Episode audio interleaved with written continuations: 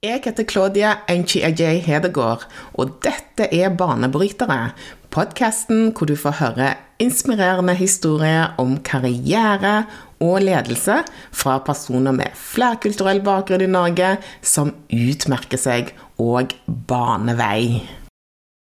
Og jeg har flere sånne i, i gruppa mi eh, rundt meg som, som, både ligner og ikke ligner. meg. jeg har vært ganske bevisst på å sette sammen en ledergruppe som ikke er kopi av meg selv. Eh, nettopp for å liksom også få opp de ulike perspektivene. Sånn at dette er ikke Obos må ikke bli Daniels verk, eller alt som jeg tenker i mitt hode. Og det tror jeg rådet er litt ut til, til deg òg, og andre som er utålmodige. Om du ikke leder noen, men bare er deg selv, så finn deg en, en peer. Mm. Som kan være korrektivet når du er utålmodig, mm. som har litt andre perspektiver. Da tror jeg kanskje at ting blir bedre.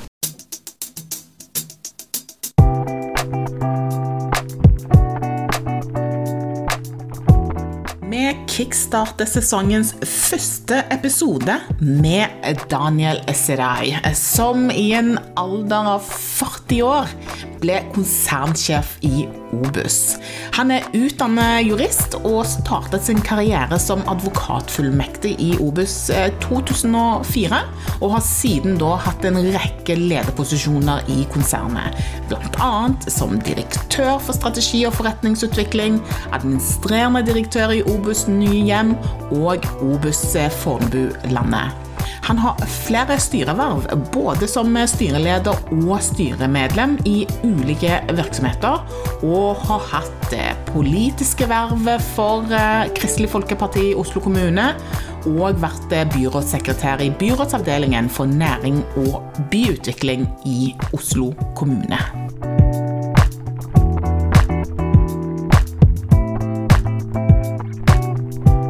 Velkommen, velkommen til Banebrytere.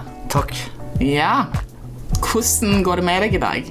Jo, det er en fin dag. Det har starta dagen godt. Vi har vært ute og trimma med fruen og fått, eh, fått, energi. Det var tungt å starte, men så når du har liksom kommet deg opp den første kneika og fått eh, trimma for kloppen i gang, så kjennes det jo egentlig bra å starte ute. Det er jo fantastisk å være ute i, starte dagen ute i friluft og gå ned til jobb og ha musikk på ørene. Oh, wow. Senke, senke skuldrene. Er du A-menneske? Nei, ikke i det hele tatt. Så det koster meg litt. Men eh, skal, du, skal man finne en døgnrytme som passer, så må du og kombinere jobb med fritid og familie og sånt, så må du bryte Så må man bryte uh, døgnrytme. Ja, og det føler du at du får til? Ja. ja. Men uh, sover du godt om nettene? det varierer. Det varierer. Det er jo um, Men jeg, jeg, sover ikke, jeg sover ikke dårlig pga. jobb. Nei. Så det, det, det, det, opplever jeg ikke er et problem. Oh, wow. Selv i en topplederrolle så Nei, klarer du å sove gjennom Ja da, for jeg sover godt når jeg sover, så det er mer sånn jeg våkner det er varmt, og, mm. eller ja, andre ting. Da jeg snakket med deg sånn uh, før, uh, før, dette møtet her, så, så klarte jeg også å bomme på dialekten din ja. sånn skikkelig. Jeg trodde jo at det var fra Kristiansand. Ja, det er skikkelig Ja, det var flaut, faktisk. Ja. Var faktisk du som er fra Stavanger, ja. altså, kan ikke kjenne igjen en uh, samfylking. Ja, faktisk. Det tenkte jeg først. Men det viser jo bare hva, hva man tror om bygde, hvilket perspektiv man har på bygdefolk når man sitter i en, ja. en såkalt regionhovedstad. Ja, ikke sant. Ja, ja. Men, ja, ja, ja. Men føler du at du har klart å, å bevare dialekten din? Ja, jeg opplever det sjøl. Og så snakker jeg bredere når jeg kommer hjem. Ja, du gjør det. Men det skulle jo rart mangle at man ikke har lagt om noe på, på 27 år i hovedstaden. Ja. Eller snart 28 år i hovedstaden. Ja. Men det høres jo ganske rent ut, altså. Så du har jo gjort en god jobb med å men jeg er jo stolt av hvor jeg kommer fra. Ja. Det er det, det, det begynner med. For jeg er, en, jeg er, jo en bygdegutt i sjela. Eh, og hører på countrymusikk og, og, og, trives veldig godt med å komme hjem og være, prøve det der. Jeg har veldig stor respekt for det, for det enkle landlige, selv om jeg bor i byen. Men føler du at det, det har gitt deg noen eh, fordeler med at du har eh, den dialekten på, altså, når du er på Østlandet?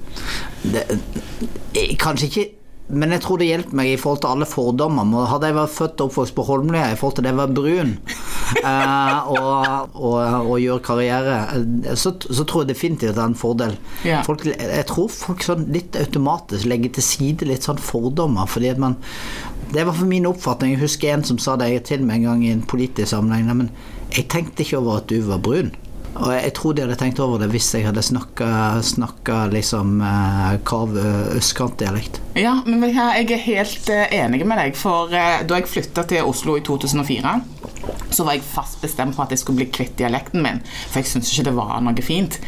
Men så la jeg merke til noe, da. At eh, da jeg snakka, eh, åpna munnen min i Oslo, så lytter folk eh, litt ekstra. For de ser ikke den komme. De, altså får, det blir en eh, surprise effect. De ser ikke den komme, og, og de lytter mer. Så nå snakker vi noen på telefonen. Ja. folk tenker, Det er det fine med telefon. Teams er jo helt forferdelig. Ja. For, for da, men da må du forholde deg til et menneske som snakker og lytter. Du må lytte til hva folk sier. Du vurderer faktisk ikke hva, hvordan folk ser ut. Eller. Så blind dating via telefon er ganske bra. Ja. Heldigvis så slipper jeg det nå. Ja, ja, du òg. jeg er veldig, veldig glad Er ikke du glad for det? Ja, jeg er kjempeglad. Jeg òg. Vi går videre. Vi kan ikke forholde oss til det, heldigvis. Nei, heldigvis.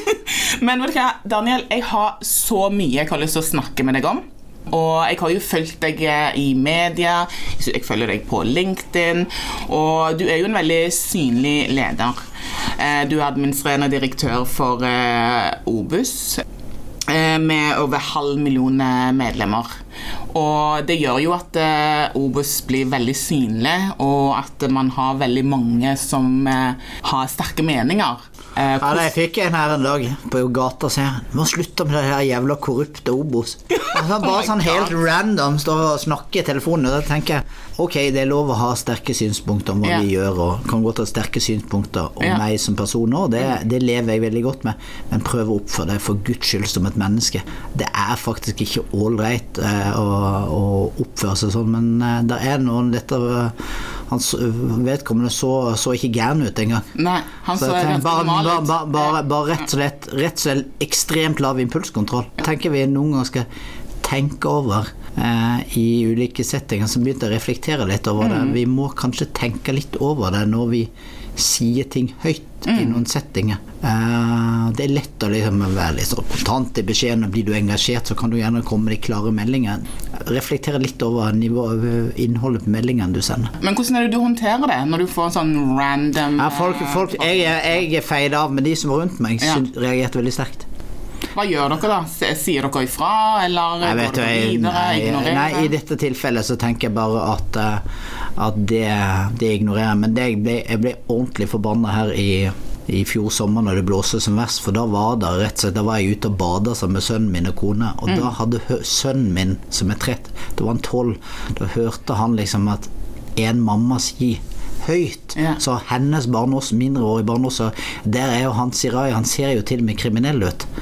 Tikker feil på utrolig mange faktorer. For det Ja. første så provoserer det inderlig at sønnen min Det, det, det, det gjør vondt i hjertet. For Mm. Han skal måtte høre det. Og så når kona mi konfronterer det med men sånn kan du ikke snakke, så, Mm. så nekter vedkommende. Da, da kunne ikke jeg sitte, så det gikk jeg bort. Da var jeg ordentlig stiv. Så jeg, du får lov å si Du kan si hva du vil. Hvis du har noe du vil si til meg, så si det til meg. Men ikke si det som sønnen min hører på. Mm. Og ikke si det som barna dine hører. For hva er det vi lærer barna våre? Er det greit å liksom omtale andre mennesker som kriminelle, eller, eller denne type synspunkter som åpenbart spiller på fordommer som, Mm. som, som Du må gjerne synes det inni hjertet ditt, men så syns du har mot nok til å gå bort og si det. Kan jeg få fem minutter med deg? Jeg synes Du er en kriminell Du hadde jo ikke gjort det, vet du. Nei. Men det da hadde du kanskje sagt det, nei, men jeg syns du gjør det. Og jeg tåler godt en diskusjon, også på gata. For det, det liksom hører jo med. Det er jo litt det man byr opp til til dans når man er leder og tar tydelige standpunkter. Da må man også tåle at folk er uenige, og til og med bruke sterke ord om det. Men, men prøv også å snakke sivilisert til det offentlige jordskiftet. Vi er i ferd med å få et samfunn der liksom folk har lagt ifra seg. Jeg tror folk har blitt litt sinte på, når de sitter hjemme under pandemien. eh, og lagt fra seg litt sånne normale sperrer på hva man sier. Men hvordan er det å være deg i denne rollen som eh, administrerende direktør? Det er veldig bra. Det er jo, det er jo jeg, er jo utrolig privilegert. Får lov å jobbe med spennende oppgaver hver eneste dag. Får lov å være med på store ting. Jeg får lov å jobbe med Får lov å utvikle andre mennesker. Være i en jobb der man faktisk ser det fysiske produktet av de beslutninger man tar. Så når jeg går rundt på, på og ser i byen, og jeg er jo Ulven, den nye bydelen, så, vet, så kan jeg liksom se at den blokka ble sånn fordi at jeg, jeg var med og tok en beslutning om at denne tomta skulle vi kjøpe, kjøpe denne tomta skulle vi bygge sånn. Mm. Dermed blir det sånn. Og så blir du jo egentlig ansvarliggjort for beslutningene dine. Og det, for meg gjør det iallfall ganske mye med eierskapet til det vi gjør. Fordi at vi, det blir så mange fysiske manifestasjoner. Så hvis jeg gjør feil beslutninger, så må jeg gremmes med det. Ikke fem minutter. Jeg må faktisk leve med det resten av livet mitt, for jeg må gå rundt og se på produkter av feil beslutninger. Og jeg kjenner på det ansvaret, det, og det, det kan jeg ikke si nei, det var hans. Hans eller hennes feil Jeg kan ikke fri meg for det ansvaret. Det er mitt ansvar som øverste leder. Det vi gjør, er bra. Ja, hva, hva, kreves det for å lykkes i den rollen som du har? Nei, Jeg tror du må ha et stort engasjement. Um, og så tror jeg du må ha en Du må selvfølgelig ha høy arbeidskapasitet.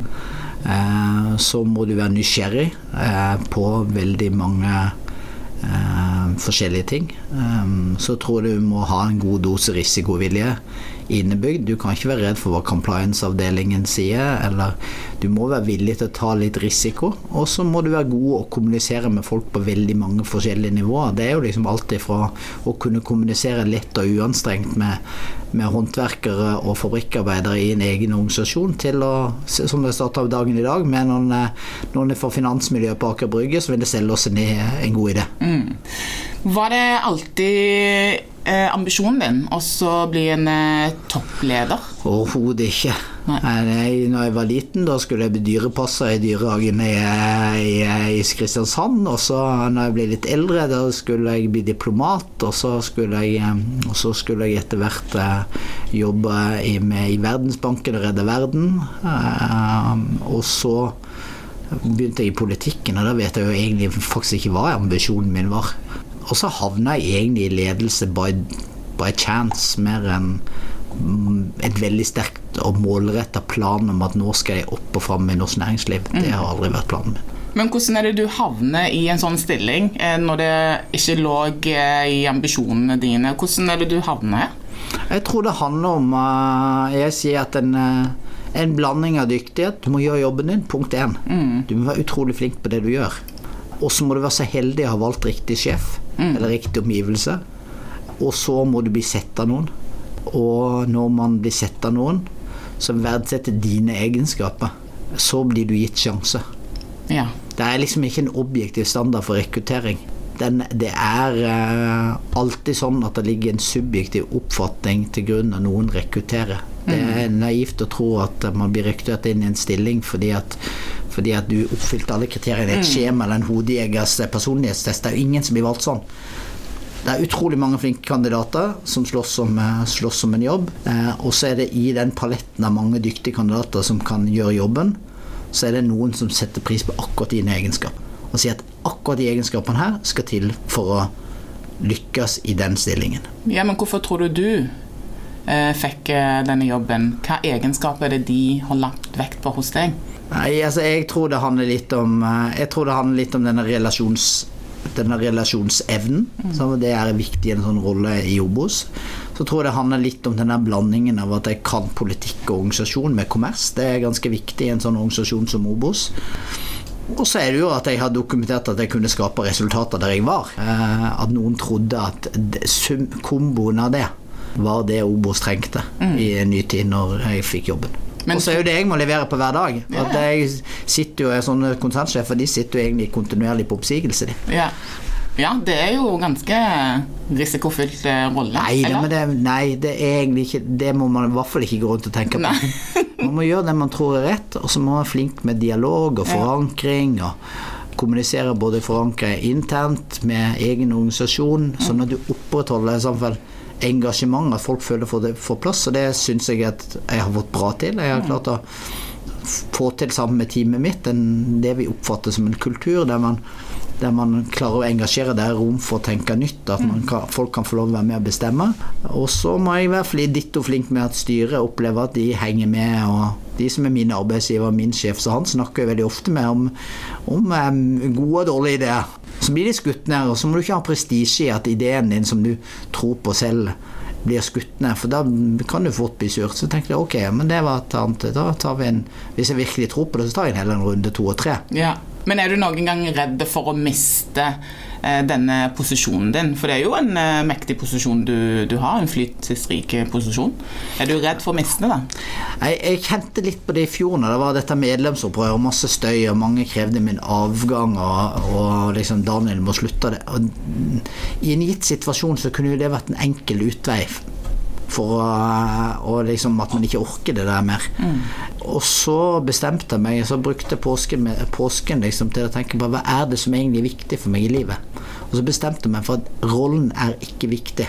Liksom, jeg tåler veldig godt Nå har jeg vært i rollen lenge, mm. så jeg tåler veldig godt å miste jobben for min egen prestisjes skyld. Jeg har mange ressurser, kan mange ting, har en verdi i meg sjøl. Så ergo så er jeg ikke her fordi at rollen er viktig for meg. Jeg er her fordi at jeg tror jeg kan tilføre noe i rollen helt til noen andre mener noe annet. Og skulle man da ende opp i den situasjonen at noen mener at nei, nå, Daniel, nå er det på tide at du finner noe annet å gjøre, ja, men da kan man liksom ta et steg tilbake og, ikke ha lagt prestisje i rollen. Da må man, og så, så, har jeg et engasjement, så jeg er helt sikker på at jeg, den dagen jeg slutter her, mm. som jo jeg skal en dag, at jeg finner noe annet som er spennende.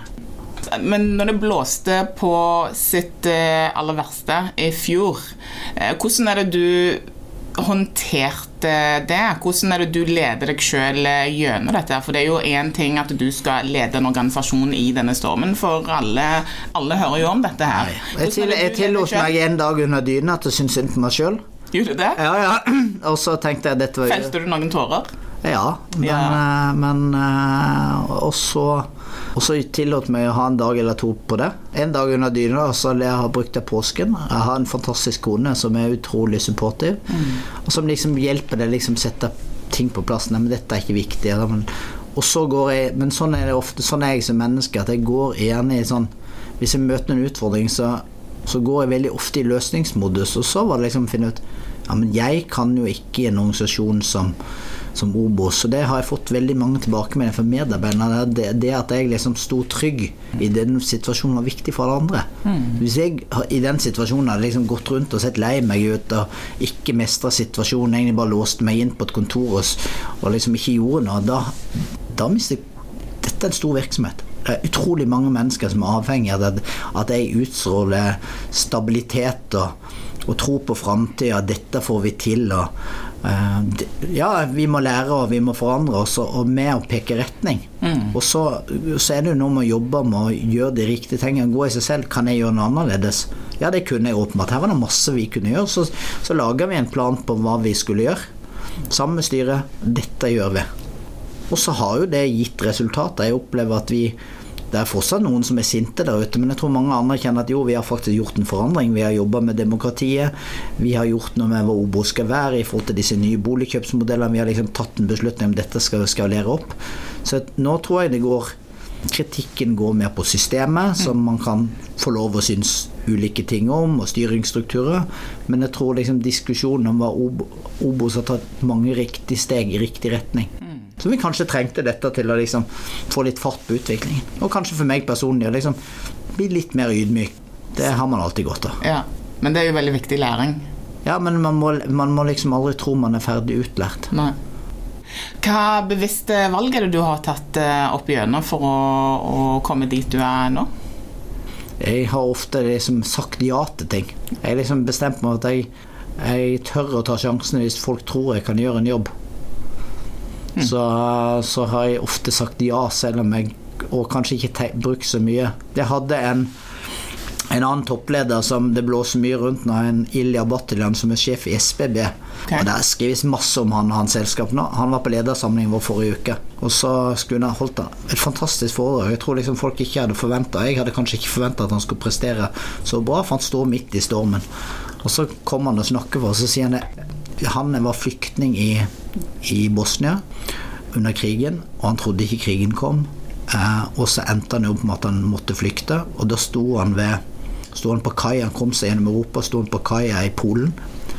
Og så sier han det, da kom der, var det to båter, og jeg tok første båt. Og takk og lov for det, for ellers hadde jeg havna i Danmark. Ja. Så hans råd var ta Ja. første båt. ja. Ikke nøl, ta første båt. Og se hvordan det er. Og jeg tror noen ganger at man må faktisk, og det syns jeg faktisk var ganske bra, ikke sitte og vurdere og tenke for lenge over denne type personlige karrierevalg. Hvis du tror at dette gir deg en sjanse til å bygge noe nytt, så, så må man faktisk ta sjansen. Hvis noen, og jeg sier det til talentene, hvis noen tror at du kan, så si ja. Og så er det deres jobb, faktisk, å sørge for at du lykkes. Og hvis det er en fiasko, så deler du egentlig den fiaskoen med, med den som ga deg jobben. Det er ikke din fiasko alene, det er et ansvar du deler. Og det er, har i hvert fall jeg opplevd mange ganger. Det, da går det ofte bra. Men har du, Sam, da har du jo hatt eh, noen støttespillere opp igjennom som har sett deg eh, og, og sett potensialet i deg. Og Ja, som har utfordra, ja, Ja. meg til det, liksom strekker meg litt. Hvem, hvem eh, er det? Nei, jeg, jeg tror liksom både jeg har hatt noen foreldre altså hjemme som liksom er opptatt av at man skal prestere på skolen. De har aldri dytta sitt opp og led, men liksom liksom tydelig du må, Pappa er jo utdanna, kommer fra Pakistan og kom til Norge og endte opp med en universitetsutdanning og, og ble vindus, eh, vindusbygger på Nordan Vinduer på Moi. Det var ikke hans plan i livet, å bli industriarbeider.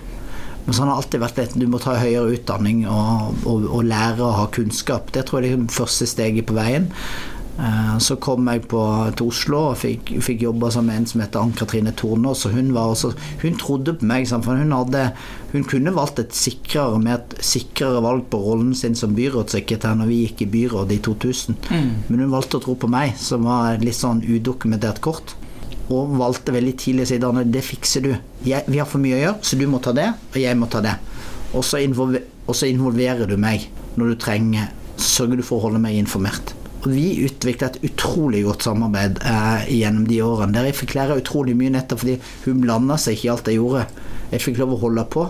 Eh, og, og samtidig ta læring. Og det samme når jeg kom til Obos med Martin Mæland, som var en fantastisk eh, sjef for meg. Som ga meg masse Jeg begynte jo her som advokatfullmektig. Jeg fikk jobba med han, og så en dag så tok han meg inn på kontoret og sier Daniel, du, du eh, Jeg tror du kan bli noe annet. Jeg- ser at du er en god advokat, men du kan bli noe annet. Ja. Så jeg syns at du skal begynne med å jobbe med forretningsutvikling, jobbe litt med business-sida i Obos. Og hva, Om det var hans plan å gjøre noe annet, eller om det var bare en del av talentutvikling, det aner jeg ikke. Men, men i hvert fall så, så tenker jeg at da så han at jeg hadde noe annet. Og det at jeg det var jo komfortabelt være advokat. Jeg tjente bra med penger. Eh, det var i flytsonen på hva jeg beherska jeg syntes jeg var god til. Og da hoppe over på noe annet som jeg jo ikke visste om jeg beherska. Eh, men det ble en fantastisk reise. ja. Ble utfordret av nye lederstillinger som, mm, som han valgte å tro at jeg hadde egenskapene Ja, men trodde du på deg sjøl, da? Eller uh... Ja, jeg, jeg er jo litt sånn at jeg, jeg lever jo etter litt etter det jeg lærer. At jeg, hvis noen tror at jeg er god nok, så er jeg god nok. Men jeg er nok blitt litt mer sånn Jeg fikk et forespørsel med et styrelederverv her eh, for et år eller to siden. Og da sa jeg bare vet du hva, dette er ikke meg. Jeg, jeg har ikke det som skal til. Jeg har ikke den interessen som skal til for, for å gjøre dette på en god måte. De, dere fortjener bedre enn det. Jeg, jeg vil ikke ta imot det har vært prestisje og alt det der, men når du blir voksen, så kan du etter hvert må du etter hvert være litt moden i forhold til til hva du påtar deg. Da, Ja. må, da må du egentlig være, legge til side litt som har med prestisje å gjøre. For man kommer jo i en del posisjoner der man, der man kanskje får, får noen muligheter som kanskje ikke var deg. Men når du har fått eh, disse støttespillerne underveis eh, og, og fått muligheter, de har sett potensial i deg, er du òg flink til å pay it forward, nå som du sitter på toppen eh, i, i, i din ledergruppe, eller ellers generelt i eh, Jeg, jeg, prøver, jeg prøver, jeg prøver å, å, å, å gjøre det. Jeg prøvde å bygge opp et system for talentutvikling. Jeg har jo noen rådgivere som jeg har Jeg har en rådgiver, du har jo møtt henne. Eh, Og de, det har vært en ganske bevisst strategi som en måte å bygge framtidige ledertalenter på. Og og liksom tenke at ja, men eh, nå er det Og de skal gjøre en jobb for meg, men alltid med klart bilde om at det er ikke deres permanente stasjon i livet. Jeg rekrutterer ingen som jeg ikke tror har potensial for å ta et steg videre og bort fra meg innen relativt kort tid. Og da pleier jeg å si sånn toårsperspektiv, det er maks. Hvis jeg ikke har klart å utvikle det til bra nå, så har jeg rekruttert feil. Og stort sett sa de jo Så jeg opplever at jeg har jeg har, um, har, flere sånne som jeg har bidratt til å få løfta inn i nye roller internt. Og gjerne eksternt òg. Liksom, prøve å være tilgjengelig for folk og, som samtalepartner. Hva type leder er du? Nei, jeg er jo en, en veldig Jeg tror folk oppfatter meg som veldig engasjert. Og så, så, så, så hører jeg folk si at jeg er nede på jorda. At jeg oppfattes som en av de, var det en som sa. Var, da ble jeg ordentlig stolt, for det tenker jeg Da har jeg liksom oppnådd noe av det jeg ønsker for meg selv, uten å være krampaktig på det. Og det var en leder som jeg ikke hadde noen relasjon med. Mm. En relativt ny leder i systemet vårt. Og det tenker jeg da da, blir jeg, da tenker jeg ok, dette Da har jeg oppnådd noe som er sånn key element i i, hva jeg prøver å predike, at vi må være på, det, vi, vi, er ikke toppledelsen der oppe. Jeg er ikke en som skal ikke stå på en sånn pidestall og være helt utilnærmelig. Så tror jeg jeg er litt utålmodig, og det kan gå litt fort. Og det har jeg hørt mange ganger, at du må liksom bremse bremse ned tempoet, og folk må rekke å henge med deg. Så det, prøver, det jobber jeg jo hele tida med. At, mm. at Ta folk med på tankeprosesser når man skal gjøre store prosesser. Det syns jeg er et veldig veldig godt poeng der, fordi jeg òg er veldig utålmodig, og det har jo jeg hørt mange ganger. Og jeg tror nok at det er en styrke som jeg har, men, men jeg ser jo òg at det kan være en akilleshæl. Har du noe råd til meg, og folk sånn som meg, som er eh, ja, utålmodige og ja. At... Jo, men det finnes noen, noen sparringspartnere som er litt sånn motsatt. Og så disiplinere seg sjøl til å liksom ta dem med i loopen. Jeg har jo med en leder rundt meg som eh, og styrelederen av Sandnes Rykta, ny CFO Daniel, du, må, du er sånn boblehue, du har masse ideer. Du må få den CFO som er litt firkanthue. Yeah. Og Trond er jo ikke en firkant, men han er, han er en helt annen mennesketype enn meg. Mye roligere, sindig bygger mye troverdigheten sin nettopp på det. Utrolig dyktig. Og, den, og jeg har flere sånne i, i gruppa mi rundt meg som, som, både ligner og ikke ligner. Men jeg har vært ganske bevisst på å sette sammen en ledergruppe som ikke er kopi av meg selv. Eh, nettopp for å liksom også få opp de ulike perspektivene. Sånn at dette er ikke Obos må ikke bli Daniels verk, eller alt som jeg tenker i mitt hode. Og det tror jeg rådet er litt ut til, til deg òg, og andre som er utålmodige. Om du ikke leder noen, men bare er deg selv, så finn deg en, en peer. Mm. Som kan være korrektivet når du er utålmodig, mm. som har litt andre perspektiver. Da tror jeg kanskje at ting blir bedre. Veldig, veldig bra råd. Jeg har eh, et tema som jeg har eh, bare brent inne med, å få dine refleksjoner på. da. Og det er jo eh, dette her med flerkulturelt mangfold i eh, lederposisjoner og styrer i eh, norske virksomheter. Eh, for en stund siden så gjorde PA Consulting en sånn undersøkelse eller noe sånt, hvor de gikk gjennom Eh, ledergruppene til eh, de 50 største selskapene i Norge.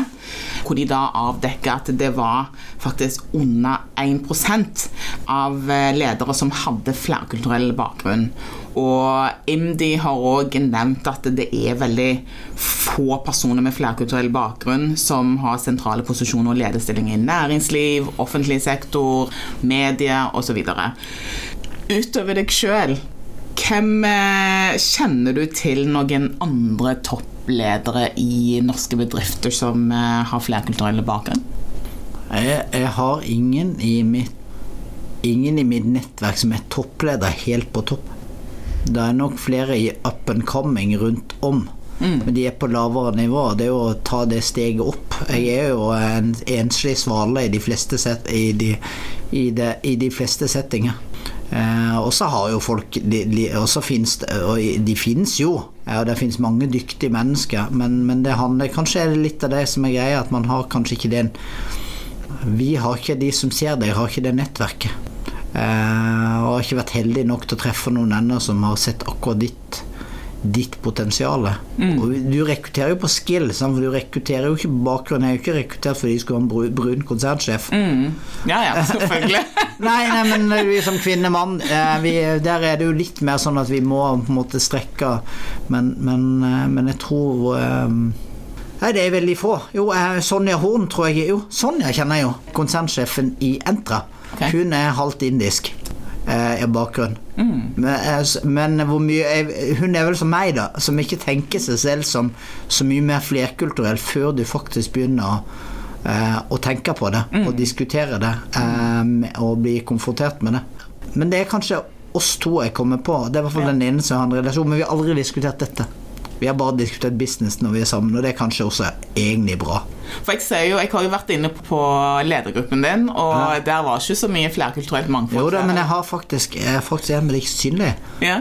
For jeg, det jeg pleier, vi pleier å le av det. Men hun som heter Ingunn, Ja. hun er jo av samisk bakgrunn. Okay. Så det er jo, det er jo en minoritet, det òg i Norge. Altså jeg pleier å si det, vi, har, vi er jo ganske godt. Vi er like på, på kvinner og menn. Vi har urbefolkning, og vi har minoritet. Så i forhold til de fleste norske bedrifter, så er vi Så ligger så ligger vi faktisk best an på mangfold. Uh, eh, enn så lenge. Men uh, det, vi kan jo ikke hvile på laurbærene der. Ja, ikke sant?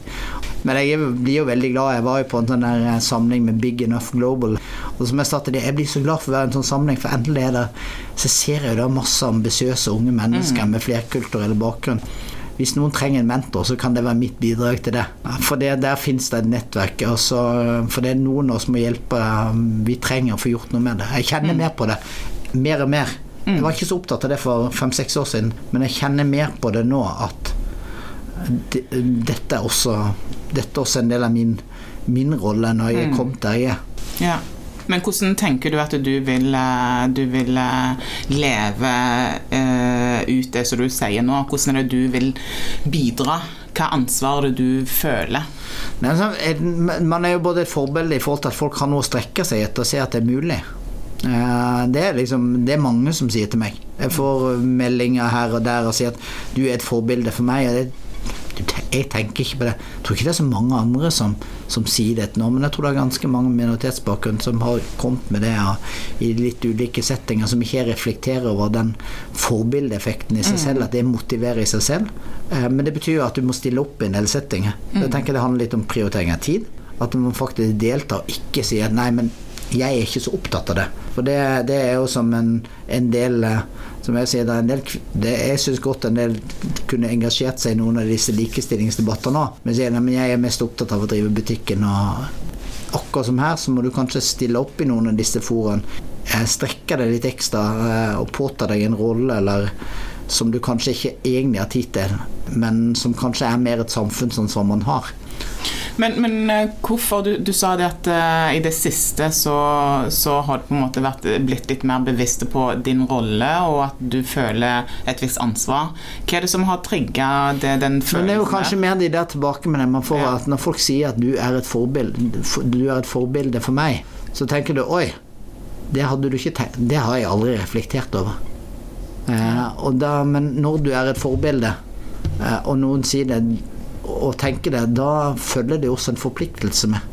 Det er som alle som er et forbilde. Når du er et forbilde for barna dine eh, du er, Hvis du er en sportsstjerne, så er du et forbilde for mange. Du er kan jo ikke bare fortsette som før. Oppføre deg som en eh, Hvis du er en eh, fotballspiller, kan du ikke oppføre deg som en apekatt. Nei, det er noen som gjør det, men der syns jeg det er dårlige forbilder for barna våre. Og da betyr det kanskje at man må strekke seg litt ekstra. Det er jo mange med flerkulturell eh, bakgrunn som føler at de må jobbe dobbelt så hardt, og kanskje tre ganger så hardt, for å, og en etnisk eh, nordmenn for å få de samme mulighetene. Hva tenker du rundt det? Nei, men Det er jo en opplevelse man har. Jeg, jeg opplever jeg har aldri opplevd det, men det er kanskje komboen at jeg er oppvokst i Norge og er veldig etnisk norsk i, kulturell, mitt kulturelle uttrykk. For Jeg vokste opp på lita bygd, jeg vokste opp på bedehuset, eh, jeg er kristen og ikke muslim. Faren min går i, går i snakker norsk og spiser norsk mat, og det er liksom veldig sånn Veldig sånn norsk kulturbakgrunn. Å snakke dialekt, da har du aldri møtt den motstanden. Men jeg tror liksom de som faktisk har møtt den motstanden, fordi de har et navn som kringer Jeg har et norsk mellomnavn som jeg er faktisk ganske bevisst på å bruke. Ja. Og, Hvorfor gjør du det? Nei, men det har jo vært fordi jeg ikke er stolt av den der begge delene. Men, men faren min har vært veldig på det. Ok. At Daniel, du må ikke bare bruke Sirai, for da setter folk deg som innvandrer. Ja. Og jeg tror det er faktisk at hadde jeg bare hett Daniel Sirai, så hadde folk tenkt annerledes om meg. Det tror du gjerne. Det tror jeg òg. det, tror jeg òg. ja, ja, men så jeg tror du, Ja. du får eh, Folk tar på seg et ansett med briller til å begynne med. Og da må, opplever man kanskje at man må bevise noe mer. Og så er man jo veldig ambisiøs. Eh, og når man er ambisiøs for å komme fram, og så opplever du også kampen litt hardere. Og det var det jeg sa da jeg var på dette nettverket. Altså, man er så veldig opptatt av networking. Og vi, hadde, vi var flere til paneler, vi hadde ganske ulike synspunkter. Men jeg sier det er ikke sånn krampaktig networking. For da blir du liksom, får du motsatt effekt. Mm. Og noen jobber så hardt at det nesten blir for mye. Ta slapp litt mer av. Er litt mer å tro på deg sjøl. Finn deg gode kollegaer som heier på deg. Jobb heller med peer to peer enn å liksom måtte flyte toppene og liksom bli synlig, for det, det blir fort litt anstrengende. Og da blir det lettere å bli avvist underveis. Men, men jeg, jeg, tror, eh, jeg tror ikke jeg kan sette meg inn i den situasjonen. Det er så mange har følt avvisningen eh, av. Og det der har vi en stor jobb å gjøre som samfunn, tenker jeg. Og Der handler det jo egentlig bare om at vi må, vi må bygge kultur i selskapene våre. Vi må sørge for at vi ikke driver med det. Jobbe med våre indi, jeg, indirekte diskriminering eller mindset eller ja. Du snakker jo med veldig mange toppledere og omgås med mange toppledere i, i Norge. Snakker dere om dette her? Er, er, det noe som du merker folk er interessert i å prate om? Og, ja? Nei, eh, det er, det er, kanskje noe man synder på. Man burde kanskje snakke om det. Snakke om det i flere settinger, men da, da snakker man jo om det som er dagens tema. Man snakker om verdensøkonomien eller, eller utfordringer i bransjen. Man er jo opptatt av det man er der for å gjøre. Man, er, man har jo liksom ikke det som setting å mm. diskutere mangfold. Det har jeg jo ennå til gode å møte på en toppledersamling eller men jeg, jeg føler Eller klimakrisen. Da sitter ja. vi jo der det er, det er mange større ting man skal løse. Da blir kanskje ikke dette så høyt prioritert. Kanskje er det fordi det ikke er høyt nok prioritert på sida og agendaen rundt om. Ja, det er meget mulig. Men jeg opplever jo at det siste i hvert fall et par årene at eh, det er mer engasjement rundt eh, dette temaet i Eh, hos eh, toppledere. Eh, merker du òg det, eller er det bare for show? Jeg, jeg, jeg kan ikke si at jeg har merka det. Jeg har ikke blitt invitert mange toppledersamlinger for å samle om, om den, denne tematikken. Nei. Men jeg kan, jeg kan, jo heller si jeg har jo ikke gjort det selv heller, så jeg skal i hvert fall ikke peke, rette pekefingeren mot noen andre. Jeg tror det er mange bedrifter som har gode, mange gode initiativer på gang. Eh, men som kanskje ikke syns. Og så er det noe med hva som faktisk når opp på, på, i det offentlige ordskiftet. Jeg, jeg, tror ikke det norske samfunnet oppfatter det som, som et stort samfunnsmessig problem. Det, det er interessant perspektiv. Det er ikke noe sense of urgency på det. For det at uh, man har uh, man har andre ting. Er liksom, nå er det liksom the economy, og så er det klimakrise. Det er liksom Mm. Hvor mange seminarer som helst. Innovasjon og vi skal leve etter oljen og ny industri, det er det alt handler om. Og veldig mange andre samfunnsspørsmål. Og så har jo likestilling mellom kjønn vært en sterk bevegelse. Der blir jo invitert til å holde foredrag hele tiden. Mm. Ja. Og mangfold i det perspektivet. For der har vi tatt en posisjon. Skjønner. Nå har du jobbet i mange år. Ja. Hva lærdom er det du har gjort deg gjennom karrieren så langt? Oh skal du stille så vanskelige spørsmål? Ja. Det, er så mange, det, er så, det er så mange Man har lært så mange ting. Nei, for det første så er ikke kursen rett linje. Eh, du ender ikke nødvendigvis opp der du trodde du skulle ende. Så la det også være et styrings... La det også være styrende for andre. Det å, det å holde på engasjementet sitt. Mm. Ikke glemme hvor du kommer fra. Mm. Det tror jeg liksom for toppleder. Ikke glemme at du en gang var en unge Mm. Både, både, rent sånn eh, fysisk, men også kompetansemessig. Så, uh, husk at du selv har gjort feil. Det betyr at du må ha slekk for å la andre gjøre feil, og tenke feil og være umoden i refleksjonen. Det tror jeg av og til er vanskelig å, å huske, men det må man huske. Eh, fortsatt, være, fortsatt ha passion og ambisjon for å få noe gjort. Liksom Å bruke engasjementet til å at Bruk engasjementet ditt og gjør noe mer enn bare for egen bedrift. Det tror jeg er liksom Hvis, jeg, hvis vi bare er opptatt av å løse oppgavene Når jeg blir det, da, da, da er ikke jeg på mitt beste. Hvis jeg bare er introvert. Jeg må kunne bruke engasjementet mitt til, til å skape en bedre verden. Men hva er ambisjonene dine framover? Nei, det er å fortsette å jobbe med å skape en bedre verden. Ut, utvikle Obo så det blir et enda større, bedre selskap som leverer på, på det både medlemmer og samfunnet og de som jobber her forventer oss. Eh, vi har store, ambisiøse vekstplaner. Det skal jeg være med og dra en, stund til. Og så på et eller annet tidspunkt så håper jeg at jeg har bidratt til å utvikle en organisasjon og noen mennesker, eh, og gitt eh, styret i Obos noen valgmuligheter til at jeg kan si at nei, nå har, det er på tide å overlate stafettpinnen. Ikke på topp og ikke på bunn, men på akkurat passe sted i kurven der, der noen andre kan springe og jobbe mye bedre enn meg. Altså, hva er den ideelle jobben etter denne her, da? Nei, det Jeg vet hva, det, har jeg, det er det mange som spør om, og det, det tror jeg ikke har noe svar på. Der kommer jeg til å leve etter prinsippet om at jeg at jeg Jeg vet ikke om jeg skal hoppe på første båten, sånn som Ilja gjorde da var han ung. Men men i alle fall tillater meg å si at det kan være så mye. Mm. Eh, og det behøver ikke være en, en rolle med mer ansvar og mer penger. Det kan godt være en rolle med mindre ansvar og mindre penger. Det behøver ikke være eiendom, det kan godt være noe helt annet. Det behøver ikke være en kommersiell virksomhet, har jeg tenkt for meg sjøl. Det kan godt være noe helt annet. Ha liksom alle kort åpne. Mm. Daniel, ja. tusen takk for praten. I like måte veldig hyggelig.